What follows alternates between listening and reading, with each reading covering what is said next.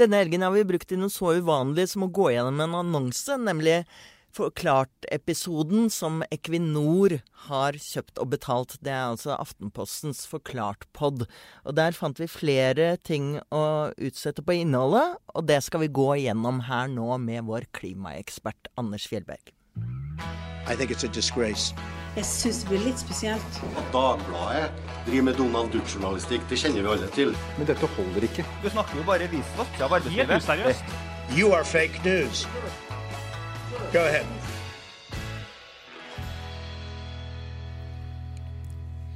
I dag skal vi snakke litt om en eh, konkurrent. Aftenpostens Forklart-pod, som vel er en av de aller mest populære nyhetspodene. Har gjort stor suksess, fortjent på kort tid. Eh, og eh, på lørdag skjedde det noe merkelig, syns vi i hvert fall. Da hadde La forklart ut en pod-episode som var kjøpt og betalt av Equinor, altså oljeselskapet Equinor. Og de hadde Vanligvis er det jo sånn i podder, eh, også i denne, at, eh, at du kan få en annonseplass midt i eller litt på slutten eller litt foran, eh, som er små snutter. Men her hadde altså Equinor kjøpt en hel episode, samtidig som forklart fortsatt var navnet på produktet. Og så sier de veldig tydelig og klart i begynnelsen av episoden, så sier de dette er en eh, annonse som er kjøpt eh, av eh, Equinor, og Forklart-redaksjonen har ingenting med dette innholdet å gjøre. Og så kommer det da en episode som eh, vi skal gå nærmere etter eh, hva innholdet var på den annonsen. Eh, men så kommer det en episode som er i form og type alt mulig sånn er nesten helt likt en forklart episode, ikke sant, Geir Ramnefjell? At det den skiller seg ikke veldig fra det redaksjonelle produktet som Aftenposten leverer i disse forklart-podene sine. Nei, det tenker jeg det er veldig profesjonelt utført. Det er jo Equinor har jo en, en eh, stor kommunikasjonsavdeling som eh, ikke gjør noen ting halv, Ja, Det er vel større enn de fleste redaksjoner. Ja, det, det, det er vel godt over eh, 200 ansatte eller noe sånt, tror jeg. Og det er jo større enn de aller fleste redaksjoner i, i Norge. Så det er en veldig proff tolv minutter lang uh, podkastepisode som høres og oppleves som, en, som en, et vanlig redaksjonelt eh, innhold. Så det er jo en sånn er jo en, eh, en klausul i, eh, i begynnelsen, men etter hvert som man hører, så prøver den jo eh, gi inntrykk av å være et eh, journalistisk produkt. Ja, det er liksom et sånn pseudoredaksjonelt produkt eh, som eh, også høres eh, veldig tilforlatelig og balansert ut hvis man kommer inn som en tilfeldig lytter. Og det kan man fort gjøre fordi at den ligger altså ute i, på forklart-siden. Og når man hører på Forklart, så vil man automatisk få denne opp. Ja, for de aller fleste som hører på Forklart, de abonnerer sannsynligvis på, på podkasten, og da får de automatisk det inn i eh, den podkastspilleren som du bruker. Og da la oss si at jeg hadde hørt på Forklart i dag, da, og ikke hadde hørt eh, på lørdag, for det pleier jo ikke å være sendinger på lørdag, så hadde det jeg etter å ha hørt denne dagens Forklart-episode, automatisk fått denne eh, annonsen, da, som det da i realiteten er, Mm. Eh, avspilt som neste episode. Men det er altså, som da framstår som en, som en redaksjonell podkast man hører Og, og, og den type liksom annonsering som er så tett opp til det redaksjonelle produktet, er det jo klare regler mot. Altså I Vær varsom-plakaten så står det at man skal unngå å, å lage annonser som kan forveksles med det redaksjonelle innholdet. Ja, og Derfor har dette også vært ganske kontroversielt uh, i, uh, i forkant. At, det, at Aftenposten og Equinor skulle gjøre dette samarbeidet. Så da var det noen som kom opp med en god idé. Ikke sant? Altså Vi tenkte at siden Aftenposten ikke vil eh, ettergå Equinors innhold, for dette er da en annonse, så tenkte vi at vi skulle invitere vår klimaekspert, Anders Fjellberg. Klimaekspert og surfer fortsatt.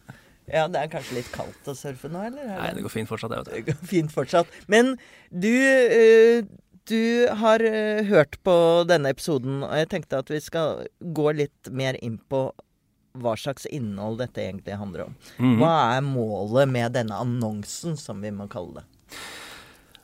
Ja, altså sånn, sånn jeg hører det, så er, eh, er målet med, eh, med annonsen som Equinor har laga her, og eh, altså, Hele premisset er eh, verden må bruke mindre fossil energi. Må brukes mindre olje og gass. Hvordan henger det sammen med at Equinor vil hente opp mer olje og gass? Um, og det er å skape en forståelse for det argumentet uh, som jeg opplever at det er hele, hele meninga bak uh, podkasten, eller annonsen, som det, jo, som det jo er. Ja, Sånn som jeg forstår det, så er det rett og slett at eh, eh, de prøver å kjøpe eh, en, eh, et inntrykk av at Equinor må fortsette å lete etter olje, til tross for at eh, klimakunnskapen sier oss at de ikke burde gjøre det. Ja, eller, eller i hvert fall at jeg tenker um, For, for det, det, ligner jo veldig mye på journalistikk når du bare hører på, på episoden.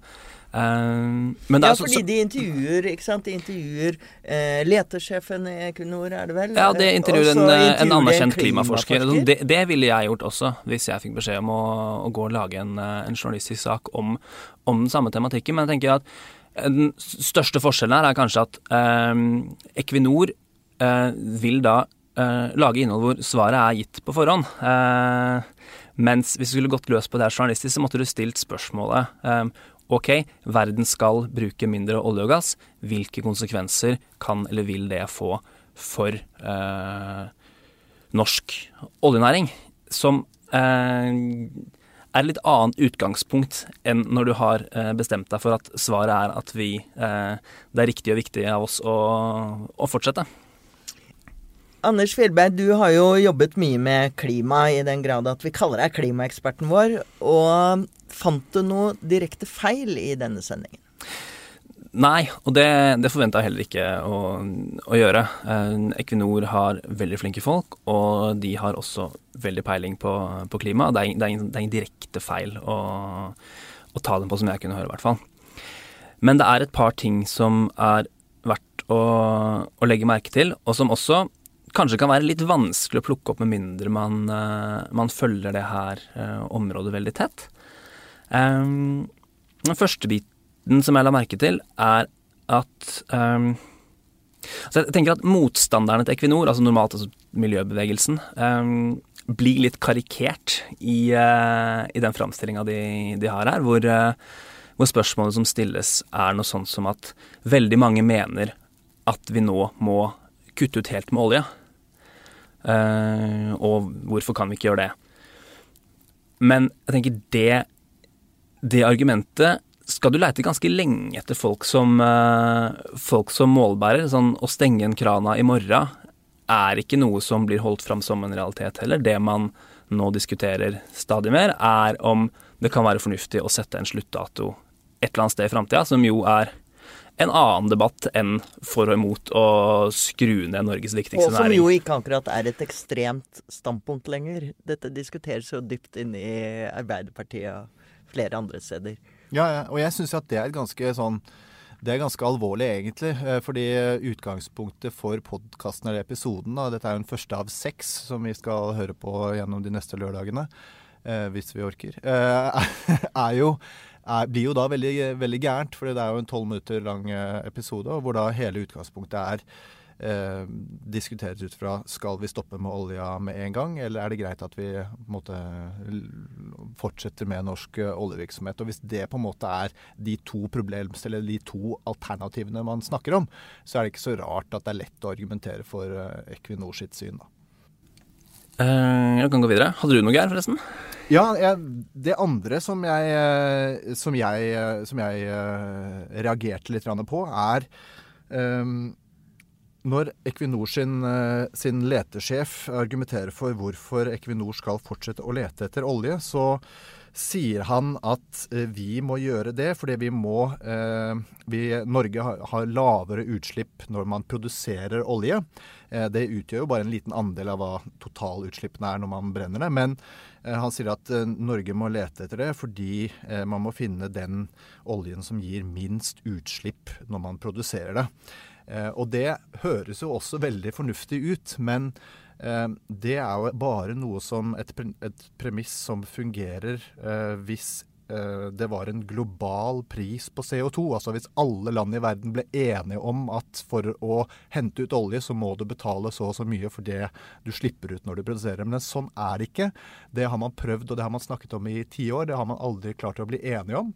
Eh, vi har det på norsk sokkel, og derfor og Derfor koster det mye. og Derfor har vi, uh, har vi, et fokus på det, og derfor har vi relativt sett i forhold til en del andre land lavere utslipp. Men, men det som argument blir også Så det er uh, rett og slett et litt misvisende premiss, da? Ja, det er misvisende premiss, og jeg mener at det også da blir problematisk i en annonsepodkast, pseudojournalistisk sammenheng som dette. For du får ikke Du får ingen som gir noe eh, motforestillinger på det argumentet. Eh, det er på en måte et sånt, et sånt, klassisk argument som oljebransjen i Norge bruker for hvorfor Norge bør fortsette å lete etter olje. Men så lenge det ikke er noen global pris på CO2, så er det til syvende og sist bare et, eh, et argument eh, for hvorfor vi selv må lete etter olje. Og det har ikke noe, har ikke noe effekt, den, eh, den, det at vårt Eh, avtrykk er lavere, fordi eh, det finnes ikke noen overdommer som sier at eh, i verden som sier at ok, det landet som har det laveste utslipp per produserte enhet, er de som får lov til å fortsette. det vil bare produseres uansett hvor store utslippet er. da. En ting som jeg også la merke til her, det er De har jo en klimaforsker inne. som snakker litt om klimasystemet og om global oppvarming og hvilke konsekvenser det vil det vil kunne komme til å få. Fra Bjerknessenteret. Fra Bjerknessenteret. Han heter Tore Furuvik, som eh, som er direktør på, på Bjerknessenteret. Um, og mange klimaforskere er ikke sånn kjempeglade i å uttale seg uh, politisk eh, og kaste seg inn i en debatt om, om norsk olje. Eh, Tore Furuvik er, er, ikke en av de. Eh, han er intervjua flere ganger tidligere, og han har flere ganger uttalt seg veldig krast om norsk oljepolitikk. Eh, og bl.a. sagt at han syns det er nær uforståelig at man legger til rette for eh, Jeg kan jo sitere hva han har sagt i intervju med deg til og med, Anders. Mm -hmm. eh, hvis politikere og lobbyister skaper et inntrykk av at det er plass til norsk olje i 2070, må det være lov for forskere å protestere. Mm. Han har også sagt uh, at vi fører en politikk som stimulerer til mer leteaktivitet, er nesten ikke til å fatte.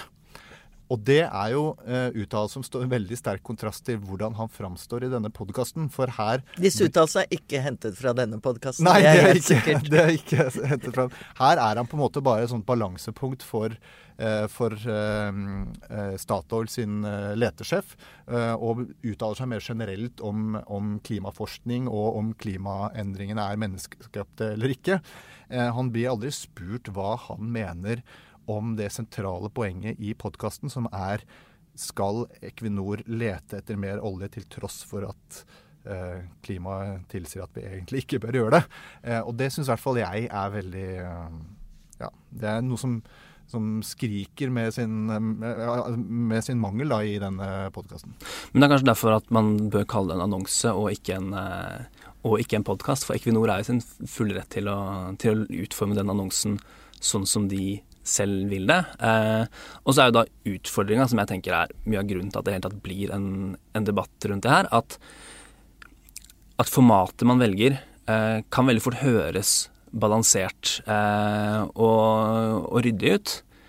Men så må man nesten ha fulgt ganske godt med for å forstå at her har de sannsynligvis gjort noen eh, valg som gjør at den annonsen eh, kommer ut på akkurat den dette, måten de selv vil. Dette vet jo vi journalister utmerket godt. Dette er jo det vi blir beskyldt for hele ja, tiden. Ja, ja. At vi lager vinklinger, at vi utelater fakta. At vi, ikke sant? Altså, det er ikke det at vi direkte tar feil, f.eks., men, men at vi vinkler det på en måte som, som eh, ender med å være misvisende. Og det er jo en kritikk som av og til er med rette, og selvfølgelig stort sett ufundert når det gjelder oss, da. Selvfølgelig. Ja, ja selvfølgelig. Men, eh, men, eh, det er liten tvil om at det er mulig å manipulere innholdet. Det jeg er litt sånn fascinert av, er hvorfor gjør Equinor det nå? Jeg tror jeg vet litt svaret, fordi at uh, vi har vært inne på det i denne podkasten flere ganger. At det er ting som skjer politisk når det gjelder det grønne skiftet akkurat nå. Og det virker som om Equinor også har fått med seg det. Ja, jeg tenker at uh, Equinor uh, vi, altså, at De skjønner at, uh, at oljedebatten i Norge er i, er i, bevegelse. Det kommer til å være de neste, de neste tiårene eller de neste årene. fordi Eh, protestene mot eh, dagens eh, ordninger når det gjelder skatteregimet og diskusjonen rundt vern av nye områder er stadig framme i den politiske debatten. Og det er veldig mange som målbærere i de ulike politiske partiene. Vi hadde et valg nå hvor klimapolitikk var veldig på, på, på dagsorden. nå i, i, helga så gikk Venstres Eh, landsstyret inn for eh, at man skulle verne eh, store områder i nord mot oljeleting. At man skal flytte den såkalte iskanten sørover. Mm. mens Fremskrittspartiet er imot det. ikke sant? Så her er det da et, et spill og dette sier, ikke sant, Trine Skei Grande sier dette er absolutt den viktigste saken vår til neste år. Så Nettopp. det er mye som står på spill. Bare sånn at f.eks. Martin Kolberg også plutselig åpner mm. døra for, å, for et regjeringssamarbeid med med MDG. Så det viser jo bare at klimasaken nå har et enormt moment. Og som kommer på skuldrene av først Parisavtalen i 2015, så halvannengradersrapporten i fjor, Greta Thunberg, ungdomsstreiken. Altså det har blitt en enorm kraft i, eh, i klimabevegelsen.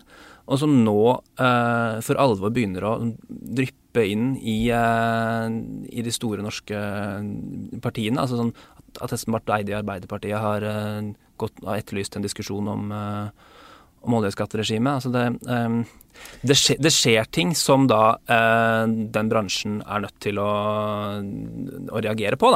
Det, Så dette handler jo ikke bare om, om at letesjefen i Equinor er stolt av jobben sin, og at her er det penger å tjene, men det er jo også på mange måter et innspill som går rett inn i den politiske debatten. Jeg mener at dette er politisk eh, påvirkningsarbeid ja, ja. av det liksom, mest tydelige merket. Dette er altså, det er Og det er jo kanskje uunngåelig da til Equinors forsvar. Det er uunngåelig, selvfølgelig. Det må, jo de, ja, ja, det må jo de gjøre. Men det er veldig sjelden at uh, at annonsører kjøper sånn tolvminutters uh, slotter da, som de, uh, som de plasserer i, uh, i, mediene.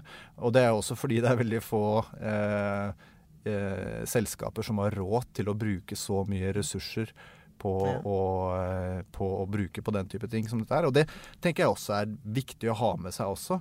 Eh, at eh, og jeg tenker at det er, er litt sånn farlig. Jeg, eh, litt, jeg har sagt tidligere at jeg syns det er nesten ubegripelig at Aftenposten vil eh, risikere gamble med sin egen troverdighet på den måten i en tid hvor pressen nettopp er under enormt press av fake news, eh, alternative medier som er litt sånn eh, hvor, hvor eh, forskjellen på fakta og sannheter og, og, og sånn er litt eh, De linjene viskes mer og mer ut. Mm. Og det er vanskelig nettopp for mange som opererer på internett og på Facebook og sosiale medier, å vite hva som er hva. Hva er kilden? Det er det vi maser om hele tiden. Kildekritikken. Og det tyder jo på at slike ting som er litt uklart hvem som er avsenderen, eh, hva budskapet er, eh, de kan likevel, selv om de sier at dette er en annonse, så kan de likevel misforstås, tenker jeg. Ja, jeg tror også det er fare for det. Eh, eh og så er det jo, er det jo verdt å, å, huske på det at eh, Equinor de har en markedsavdeling eh, på over 200 mennesker, som er større enn de fleste norske redaksjoner. Nå er det Schibsted eh, sin eh, brand ja, hva, det, hva heter det for noe? De som lager innholdsmarkedsføring i Schibsted, som har liksom produsert dette. Mm. Men det er jo Equinor som er oppdragsgiver. De har 200 stykker som jobber, jobber med kommunikasjon, som er en enorm Eh, enorm tyngde og en enorm eh, maktfaktor eh, i denne sammenheng. Og I tillegg så er det også sånn at pga. skatteregimet for oljebransjen, altså de betaler jo veldig mye skatt inn til til den norske stat på 78 mm. men fordi de har en så høy skattesats, så kan de også trekke fra alle utgifter de har i forbindelse med eh, Så dette er markedsføring. skattebetalerne som har betalt for denne episoden. De kan trekke fra utgifter opp til Altså 78% av utgiftene de har hatt til produksjonen av denne podkasten, kan de trekke fra på skatten. Ja. Ja, dette vil jeg protestere på. Og jeg, jeg kan samtidig gjøre en disclaimer her og nå at eh, dette, denne episoden av Siste med Marie Simonsen er kjøpt og betalt av Klimapodden til, til Geir Ramnefjell. Han har lovet han skal spandere en pils på meg en gang senere. Men da syns jeg at vi har uh, debunkt, som det heter så fint på norsk, eh, denne annonsen til Equinor. Eh, og så håper jeg jo egentlig at eh, det, vi ikke får slike innslag i siste Men nå kan folk i hvert fall spisse ørene og høre på med kritiske ører neste gang de hører på eh, Equinors annonsørinnhold hos eh, Forklart. Eller gå en tur i skogen.